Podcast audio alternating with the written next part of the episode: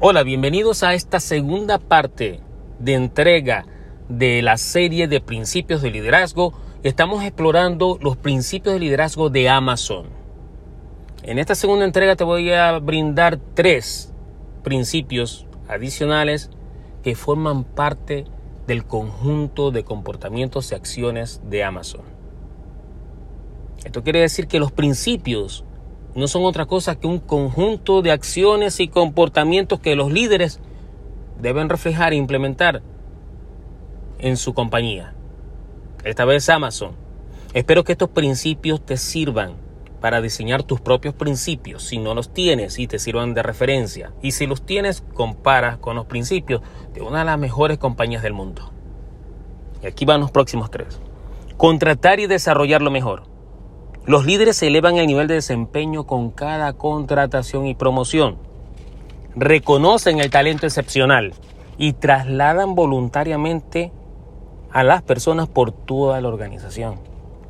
Los líderes desarrollan líderes y se toman en serio su papel en el entrenamiento de otros. Otro principio es insistir en los más altos estándares. Los líderes tienen estándares implacablemente altos. Muchas personas pueden pensar que estos estándares son irrazonables. Los líderes están continuamente elevando el estándar de sus equipos e los impulsan a ofrecer productos, servicios y procesos de alta calidad.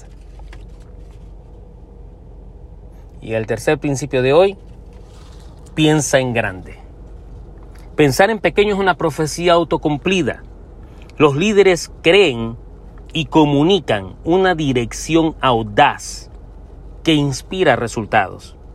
Piensan de manera diferente y buscan en todas las esquinas formas de servir mejor a los clientes y por supuesto a sus empleados. Aquí tienes tres otros principios de liderazgo de Amazon